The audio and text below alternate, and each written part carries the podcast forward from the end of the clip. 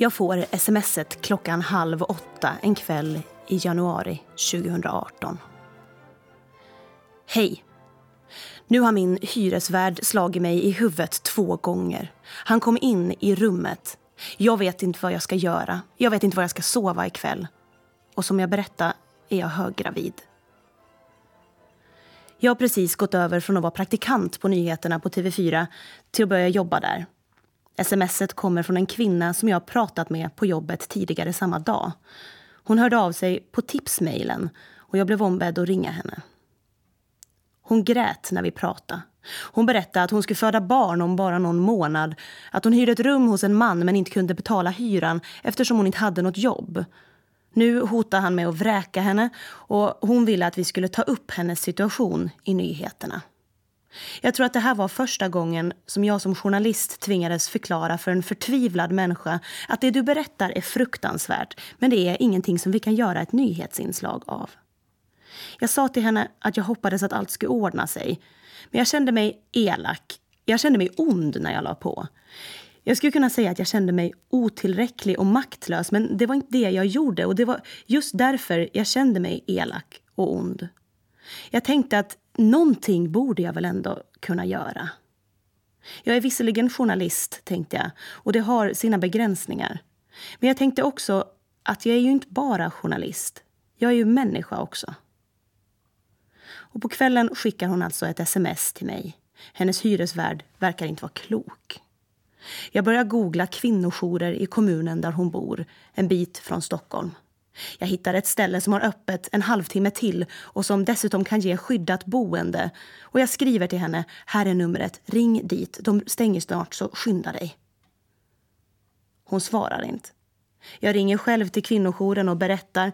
De ber mig om hennes nummer så att de kan ringa henne. Och sen säger de att det kanske är bäst att hon ringer polisen. Senare på kvällen hör hon av sig igen. Polisen har varit där, säger hon. Och hon ska sova kvar en natt till fastän hon egentligen inte vågar. Men sen blir hon hemlös och jag förstår snart att jag kanske är den enda hon har. Veckorna som följer smsar hon mig varje dag och jag hjälper henne hitta socialkontor, härbergen och kvinnojourer. Det gör henne orolig att varje natt tvingas byta sovplats. Ibland sover hon utomhus. Jag bor i en flytta tillsammans med min kompis Julina utan att bostadsrättsföreningen vet om det och jag vågar inte låta kvinnan komma till Stockholm och sova hos oss. En kväll skriver hon att hon har hoppat in i en bil med en man som ska visa henne ett rum där hon hoppas få bo. Två minuter senare kommer ett nytt sms. Hjälp mig. Ring 112. Hon skriver att han kör in i skogen, att han kommer att försöka ha sex med henne. Jag knappar in de tre siffrorna och ringer. Jag heter Maria Snellman och jag är journalist på TV4 Nyheterna. Tack för att ni har röstat fram mig till vinterpratare. När jag sommarpratade i juli berättar jag mycket om min ätstörning och om min väg mot att bli journalist. Jag tänker att det är två stora, viktiga berg i det landskap som är mitt liv. Idag tänkte jag berätta lite om allt det där som finns i skrevorna i de där stora bergen och lite om andra berg som är viktiga för mig. What's your story? What's going on in your mind? What's your story med the soundtrack of our lives. Han är gripen, säger polisen som ringer upp mig en stund senare. Den hemlösa kvinnan fick aldrig se rummet som mannen skulle visa. Och tur var väl det. Det kanske aldrig ens fanns något rum. Hon fortsätter hanka sig fram i den lilla stan utanför Stockholm. Jag säger att hon kan försöka med Blocket.se och hon scrollar bland rummen som hyrs ut. Socialtjänsten kan betala hyran om den inte är hög men de flesta hyresvärdar vill ha en eller flera månader i förskott och det kan inte SOS hjälpa henne med. Jag oroar mig för henne så det skaver i hela huvudet. Samtidigt som jag ibland blir förbannad på henne för att hon ofta väljer att sova i trappuppgångar fastän hon fått plats för natten på vandrarhem. Hon säger att hon är trött på att skickas runt och vill välja sin plats själv. Hon är orolig för barnet i magen, säger hon. Och jag är orolig för att hon inte förstår sitt och barnets bästa. Men så en dag skriver hon. Jag är på väg till ett ställe där jag har hittat mitt nya boende idag. Längtar efter att kunna sova. Jag är så trött. Hon skickar en bild på en rosa säng i ett ljust rum med trägolv. Bredvid står de kassar med kläder som hon har släpat runt i veckor. Det har hunnit bli sommar och jag har inte hört av henne på flera månader när ett brev från polisen landar på dörrmattan. Det står att jag ska bli förhörd om det jag vet om vad som hände när hon åkte i den där okända mannens bil. Några veckor senare blir jag kallad till rättegången som vittne. Mannen är åtalad för sexuellt ofredande. Kvinnan är inte med i tingsrätten när jag kommer dit och vittnar. Jag funderar på om jag borde höra av mig till henne efteråt. Men polisen som höll i telefonförhöret innan rättegången sa att hon har fått sitt barn och att allt verkar bra. Och jag väljer att lita på att hon ska höra av sig till mig annars. I början av september kommer domen. Han fälls. Och jag tänker, som jag tänkte efter vårt telefonsamtal på redaktionen när hon grät och jag kände mig elak. Jag är ju inte bara journalist. Jag är ju människa också.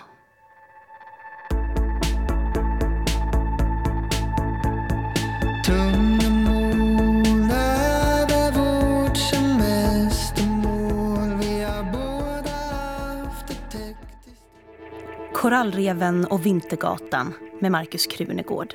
Du lyssnar på Ålands Radio. Jag heter Maria Snellman och det här är mitt vinterprat. Jag är hemma på Åland över jul. Sover i mitt flickrum hos mamma och pappa hemma i Österkalmare. Och ja, jag kallar det för hemma fastän jag bor i Stockholm. Jag somnar till tystnad. Inga brusande gator finns utanför, bara landsvägar. Jag ser himlen när jag vaknar, inte fasaden på huset mitt emot. Charlie kommer springande så fort jag öppnar dörren till mitt rum. Han dansar runt i cirklar och jag fångar honom, borrar ner mitt ansikte i hans fluffiga päls. Han är en wheaten terrier och den mest sällskapliga hund som finns. Om man sätter sig på golvet kommer han tassandes och klättrar upp i famnen. Han vill bli baserad i nacken. Petar på en med tassen om man glömmer hålla på. Charlie brukar vakna först, men av oss människomedlemmar i familjen vaknar mamma oftast tidigast när vi är lediga. Hon sitter i köket när jag kommer dit, bakåtlutad mot stolsryggen med benen i kors och med kaffekoppen i handen. Sällan med någon tidning eller någon telefon. Hon vill njuta av sitt morgonkaffe bara som det är. Titta ut. Ha det tyst och lugnt en liten stund innan allting börjar. Hon har gjort ett schema för hushållssysslorna över jul. Vem som ska plocka ur diskmaskinen, duka inför middagar och vem som ska reda upp efteråt. Hon är familjens ordning och struktur. Den som skriver kom ihåg-lappar åt oss andra och lägger på våra matbordsplatser. Ring banken. Boka klipptid. Den som ser till att vi äter middag klockan fem varje dag, delar ut vitamintabletter och får oss att komma iväg i tid när vi ska bort. Hon jobbar som sjuksköterska, eller hon är sjuksköterska, alltid, hemma också. Hon vet alltid varför det gör ont eller vad som behövs för magen eller vad som är bäst på skrubbsåret eller den stukade foten. När jag flyttade hemifrån plockade hon ihop en låda med plåster och nässpray, bandage och huvudvärkstabletter som jag fick ta med mig. Så att jag skulle ha, så att jag inte skulle behöva springa till apoteket om jag blev sjuk. Hon är så omtänksam så jag förstår inte hur det får plats i henne. Fortfarande ringer jag till mamma om jag blir förkyld. Gnäller lite grann och låter henne trösta mig. Och det gör hon med sin lenaste röst och försäkrar mig om att bara jag kommer ihåg att ta Nasonex så kommer allt bli bra. Pappa bestyr vid diskbänken. Han har alltid mycket som ska fixas innan han kan slå sig ner. Han gör en smörgås, han sätter sig vid köksbordet. Han kommer på att just det, det finns en viss ost längst in i kylen som han nog trots allt vill ha på smörgåsen. Han hämtar den, sopar av bänkskivan, sätter på mer kaffe, mikrar kaffet som hunnit kallna i hans kopp slår sig ner och det nya kaffet blir klart. Han reser sig för att hälla upp det i en termos, släpper ut Charlie som vill kissa, kommer tillbaks till köket och mamma säger att nu får du väl sätta dig. Pappa är lik mig på det sättet att han har inte riktigt mammas ordningssinne. Men han får saker gjorda ändå. Han började skura golv på Ålandsmejeriet när han var tonåring och 40 år senare blev han vd på samma företag. De flesta åländska ostarna som finns i våra matbutiker har han kommit på. Nu driver han ett ostföretag i Sverige, fast från Åland. Och Det är helt otroligt att han får det att funka rent logistiskt, men det gör han. Han kan mer än de flesta om det mesta. Jag skulle låta honom fylla i min deklaration, sköta mina finanser och vara min revisor om han erbjöd sig. För jag litar så på honom.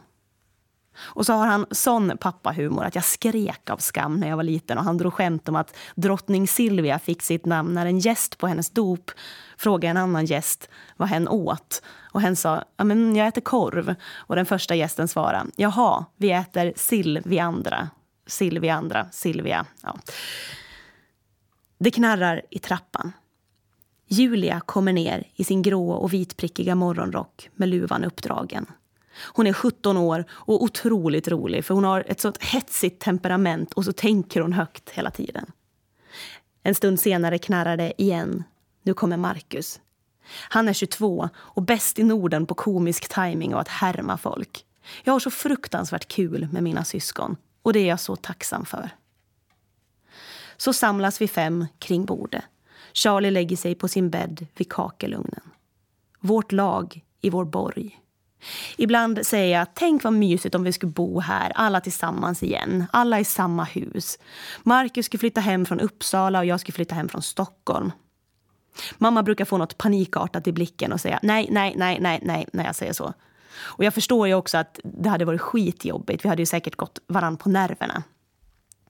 Men att vi får vara samlade allihopa, åtminstone några gånger per år. Vårt lag i vår borg. Det hade jag aldrig kunnat vara utan.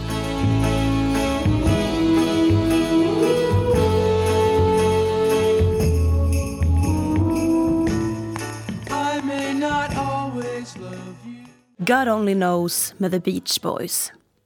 Jag är född klumpig. Ni som umgås med mig vet hur det är. Det går inte riktigt att lita på att mina ben eller armar ska följa med som jag har tänkt. Jag har alltid blåmärken, slår mig i saker som jag går förbi. Oftast är det benen som har det värst. Det kanske är för att jag är lång. Kanske att jag har dåligt ögonmått.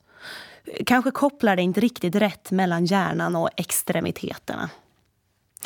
Det kan vara så att alla de där sakerna bidrar.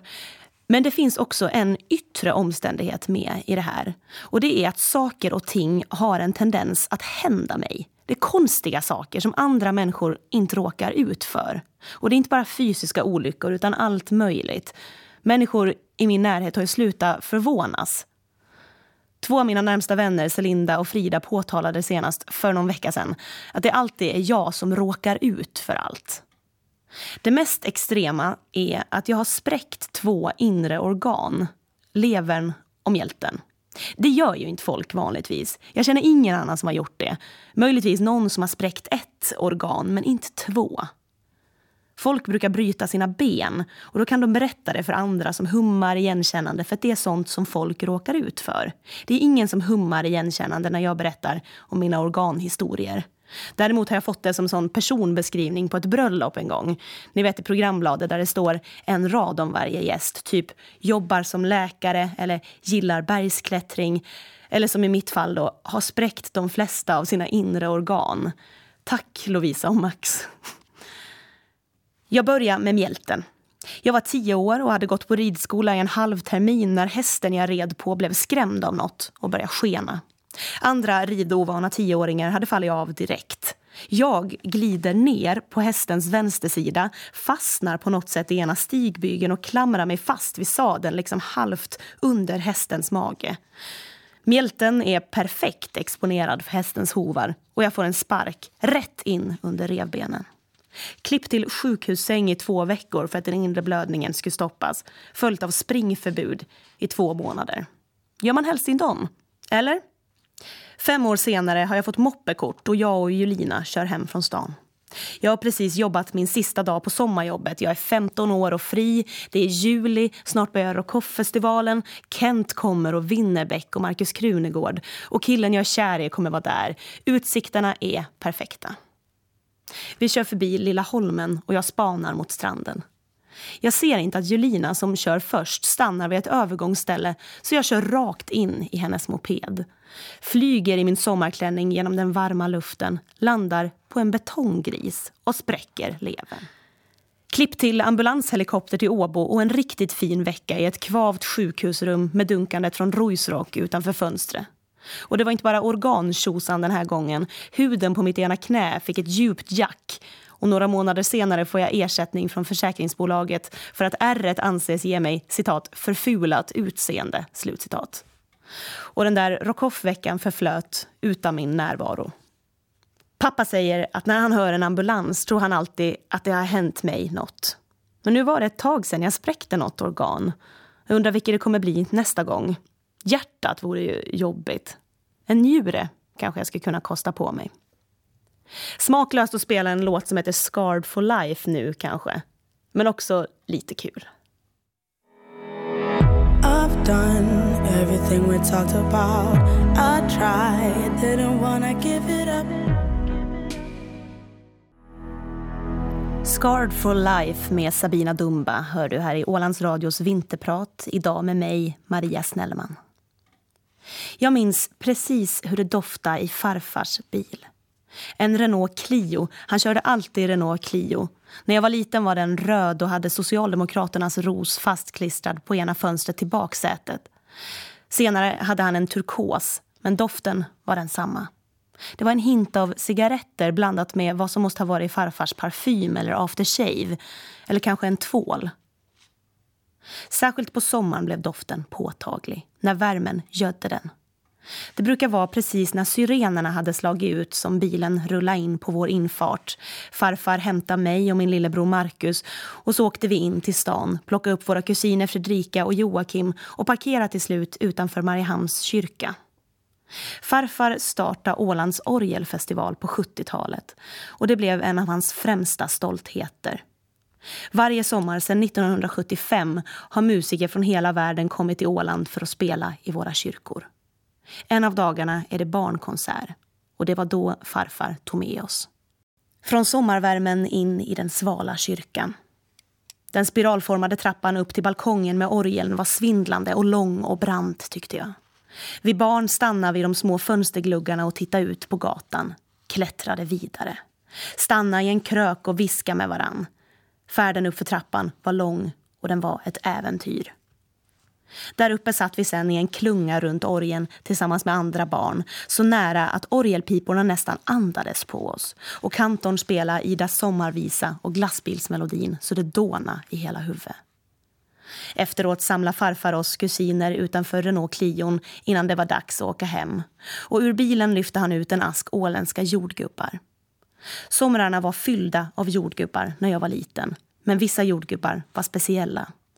De med glass efter skolavslutningen. De på självplocke som jag smög in i munnen istället för ner i hinken när ingen såg. Och farfars jordgubbar utanför kyrkan efter orgelfestivalen. Farfar var prost och tusen saker till.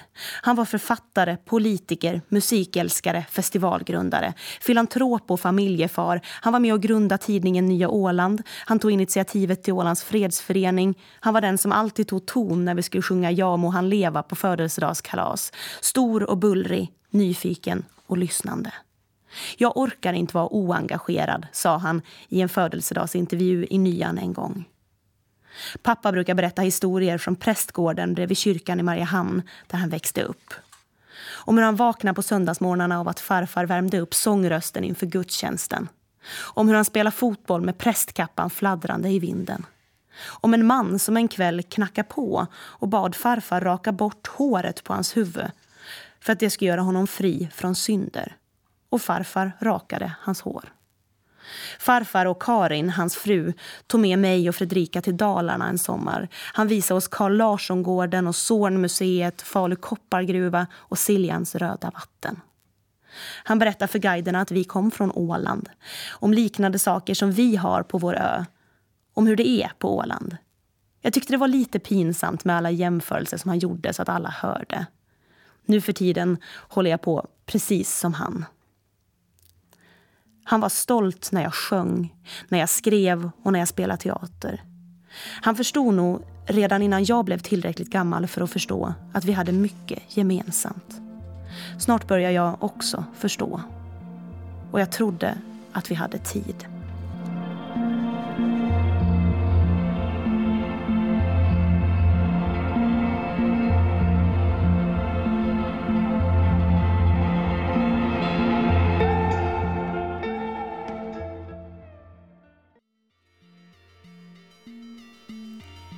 Det finns inga ord med Kent. Det är sommar år 2007. När lovet är slut ska jag börja högstadie.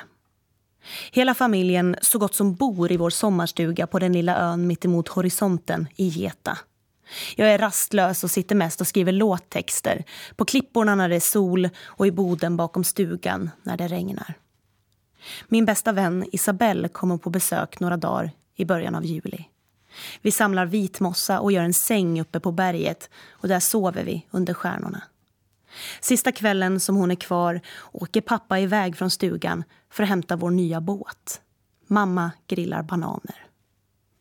Mitt i banangrillningen ringer mammas mobil. Det är Karin. Och det låter inte bra när mamma svarar på det hon hör i luren. Det är meningen att morfar ska hjälpa pappa att sjösätta båten i hamnen där vi har båtplats och sen ska pappa köra ut den till stugan. Men det är morfar som kör när båten närmar sig vår brygga. Pappa sitter i fören och det ser så fel ut för det är alltid han som kör. Och nu sitter han bara där. På håll ser hans överkropp nästan ut som en kon för inga armar håller i någonstans utan de bara ligger i famnen. Han har också pratat med Karin. Farfar har fått en hjärtattack. Farfar är död. Jag minns inte så mycket av vad vi säger till varann när pappa och morfar kommer i land. Jag minns att vi går in och sätter oss vid köksbordet. Jag minns att morfar håller om mig i flera minuter. Av det som sägs minns jag egentligen bara det som Isabelle låter meddela när vi sitter i bilen på väg hem. Jag kommer aldrig mer kunna äta grillade bananer.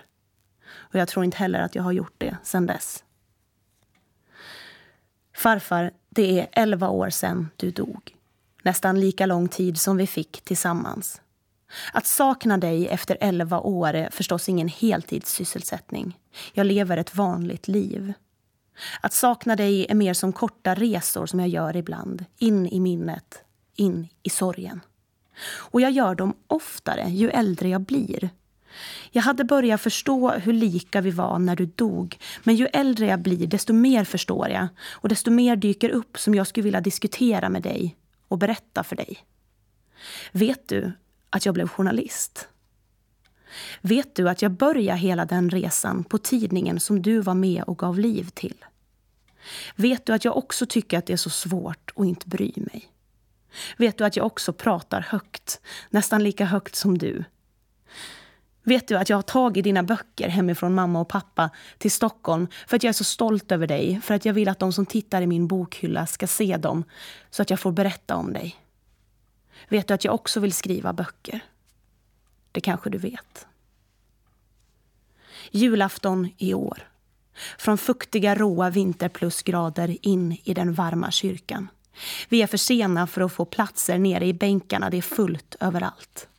Vi får gå upp, säger jag. Den spiralformade trappan upp till balkongen med orgeln har jag inte gått i sedan den sista orgelfestivalen du tog oss på.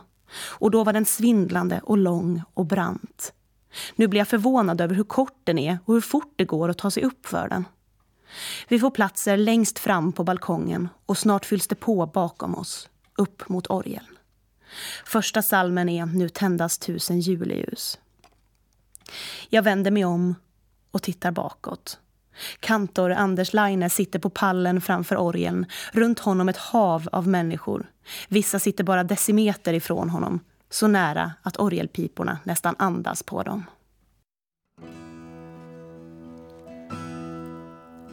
Han spelar med hela armarna så att det dånar i huvudet. Du stjärna över Betlehem och låt ditt milda ljus få lysa in med hopp och frid i varje hem och hus. Du skulle ha varit med, farfar. Jag önskar så att du hade varit med.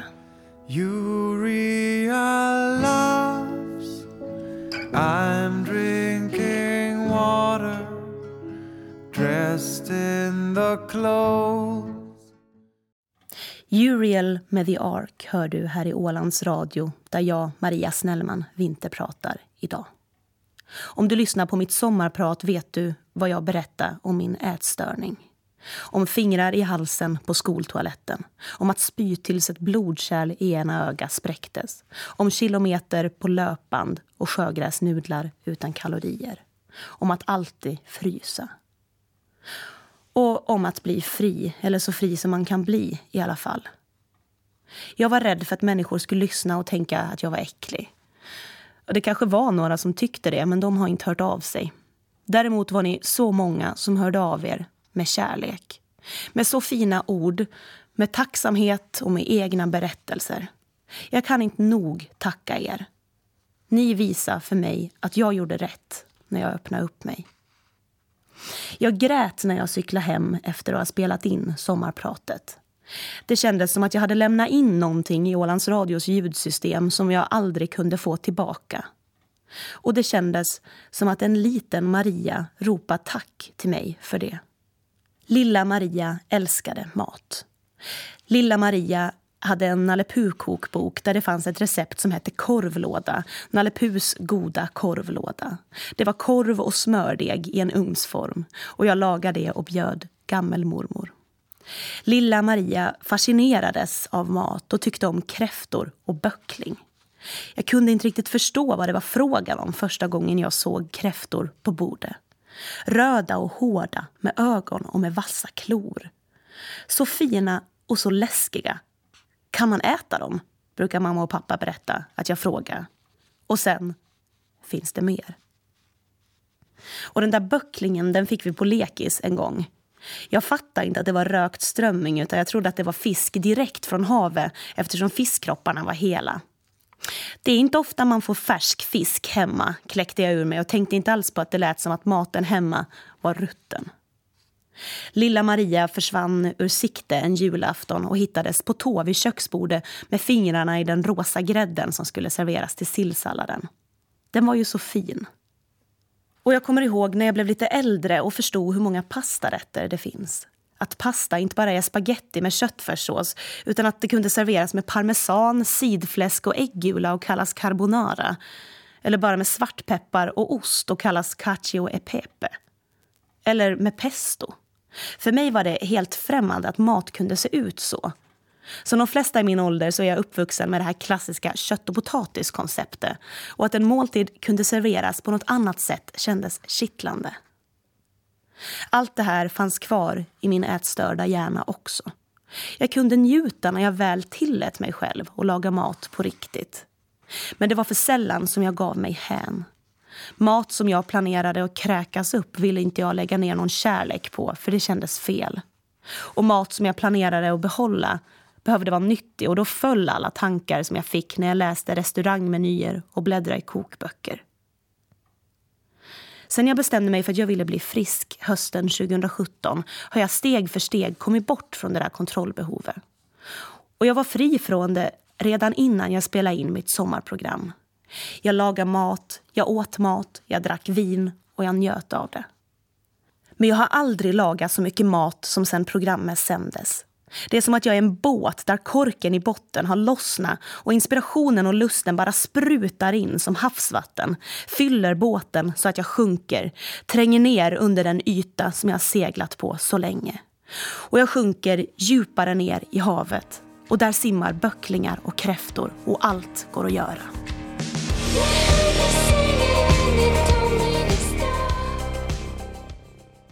Sprawl 2 med Arcade Fire. I slutet av sommaren startar jag ett mat och vinkonto på Instagram. Jag kallar kontot för Spisa med Snellman och det är min lyckligaste plats på hela internet. Det är en plats där allt handlar om att laga och äta mat och dricka vin. Ni som följer mig vet att jag brukar lägga upp långa stories där ni får vara med hela vägen från lökhackning till servering. Ibland med rätter som jag är säker på och ibland med rätter som jag aldrig har gjort förut. För jag vill visa att man måste inte kunna allt för att laga mat. Att det är kul att lära sig. För jag vill att mat ska vara kul. Det har det inte alltid varit för mig och så får det aldrig bli igen. Att äta är kanske det enda livsnödvändiga behov vi har som går att göra roligt. Och det är faktiskt en sån otrolig lyx som jag vill utnyttja varje dag. Det är den ena delen i min matfilosofi. Del två handlar mer om andra än om mig. När jag lagar mat använder jag sällan kött.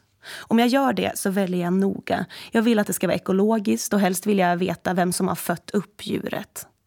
Sen är inte jag perfekt. Det händer absolut ibland att jag stänger av samvetet, går till charkdisken och beställer prosciutto och salami från djur som garanterat har mått piss.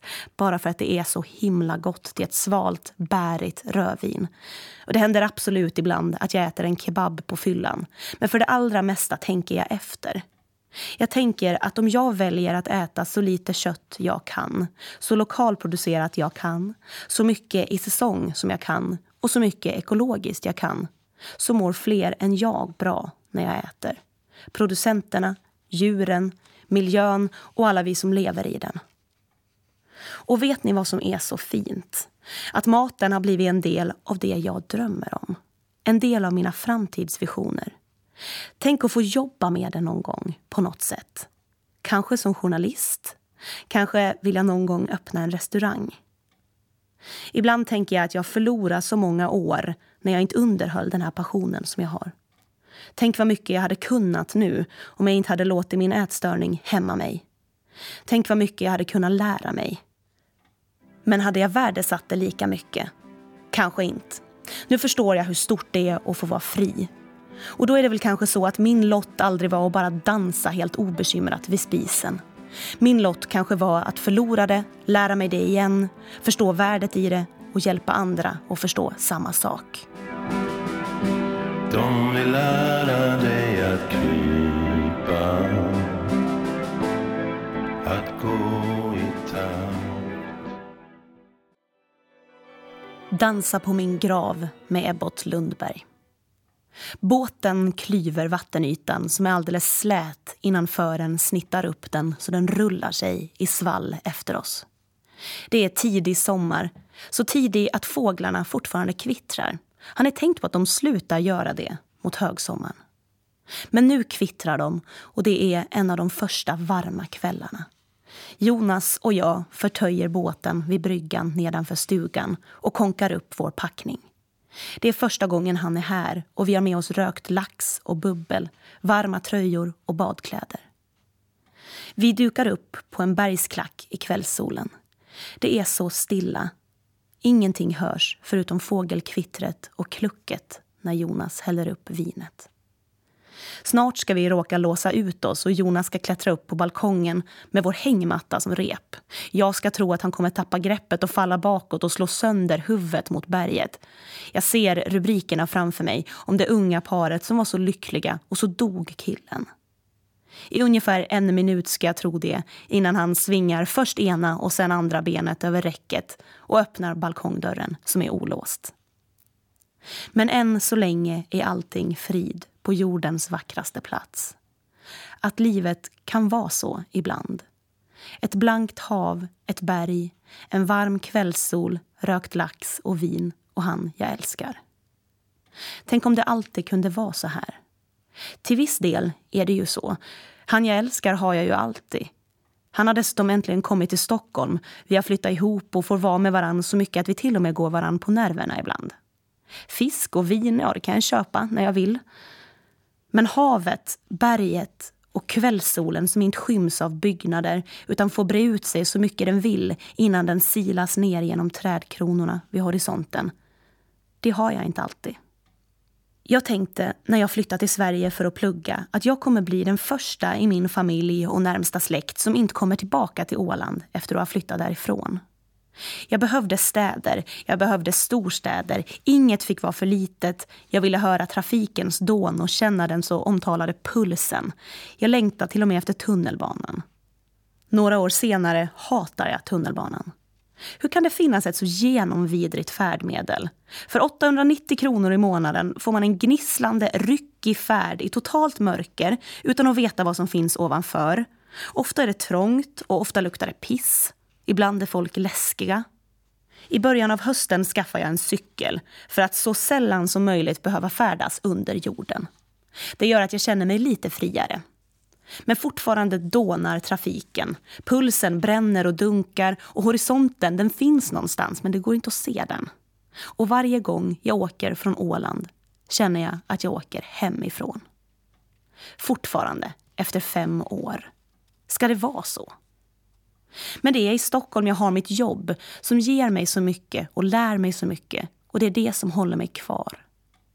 Det är en rot, en trygghet och ett privilegium som jag vill vårda ömt. Fast jag tror inte längre att jag inte kommer komma tillbaka till Åland. Jag kommer komma tillbaka. Inte nu, inte inom en överskådlig framtid, men någon gång när det passar. För Åland är också en rot, en trygghet och ett privilegium. Någonting som bara vi ålänningar förstår och någonting som vissa av oss behöver börja sakna för att förstå. Jag försöker ofta förklara Åland för svenskar. När jag säger att det bor 30 000 människor här hinner många tänka att det låter som en håla. Bor dina föräldrar kvar? brukar en del fråga. Som att Åland är en plats som man måste ta sig ifrån. Som att mina föräldrar blev kvar. Inte att de har valt att bo här för att de vill det. Vad jobbar folk med? brukar många också fråga. Och de förväntar sig att jag ska säga att alla är fiskare eller kaptener, bara för att det är en ö. Och det känns liksom konstigt att sen börja förklara. Ja, det finns ju elektriker, politiker, kockar, egenföretagare inom så många branscher. Projektledare, copywriters, läkare, lärare, butiksägare, taxichaufförer. Alltså det är ju som att berätta vad folk jobbar med i Finland. Och förvåningen fortsätter när jag berättar vidare om att vi har 16 kommuner, två tidningar, två radiokanaler, en rad högklassiga restauranger, ett slott storföretag som Paf och Viking Line, en egen regering och riksdag. Allt det är ju Åland. Men för mig är Åland också att horisonten är ständigt nära med hav och med kvällssol som får ta plats. Åland är att äta plättar hos min älskade mormor och morfar. Att klyva en blank vattenyta med båten. Att promenera i skogen, lugn och ro, skördemarknad på hösten att kunna hitta parkering och hatkärleken till att gå till arken på juldagen. En rot, en trygghet och ett privilegium. Rötterna blir starka när det blåser Luften blir friskare när åskan går Det blåser på Genesaret Genesarets sjö med Kjell Höglund. Nu är det bara timmar kvar av 2010-talet. Vad fint att få räkna ner till ett nytt decennium tillsammans med dig som lyssnar. Jag tänker mig varje år som en hästsko. Det kallas tydligen att man är synestetiker, att ens sinnen är sammankopplade. För mig visar det sig genom att jag ser veckodagarna i olika färger i mitt huvud och att siffrorna bildar en svindlande trappa. Och så det här med året då, att det är en hästsko som står som ett U där januari finns på den högra spetsen, eller vad man ska kalla det. Sommaren finns nere i botten och december finns på den vänstra spetsen. Mellan december och januari finns alltså ett litet tomrum. Ett skutt i tiden, eller ett vakuum som uppstår precis när den första raketen avfyras på tolvslaget och som pågår under de där minuterna som fyrverkerierna varar när sinnet är bedövat av smällarna, ljuset och färgerna. Jag förstår att de flesta börjar bli trötta på julsånger nu. Jag också. Men jag vill ändå ge dig ett soundtrack för det där vakuumet som kommer i natt. Något mäktigt att ha på hjärnan när det börjar smattra vid midnatt. Det är den vackraste julsången jag vet. Jag lyssnar på den sparsamt varje jul så att den inte ska slitas ut. Och med den vill jag önska gott nytt år och tacka för att du har lyssnat på mig, Maria Snellman och mitt vinterprat här i Ålands Radio. Nu tar vi den en sista gång för det här året, för det här decenniet. Jag spelar den för den hemlösa kvinnan, för min familj, för min farfar, för mina inre organ, för Åland, för matglädjen och för dig som lyssnar. O helga natt med Tommy Körberg. O helga natt, helga stund för världen då gudamänniskan till jorden steg ner.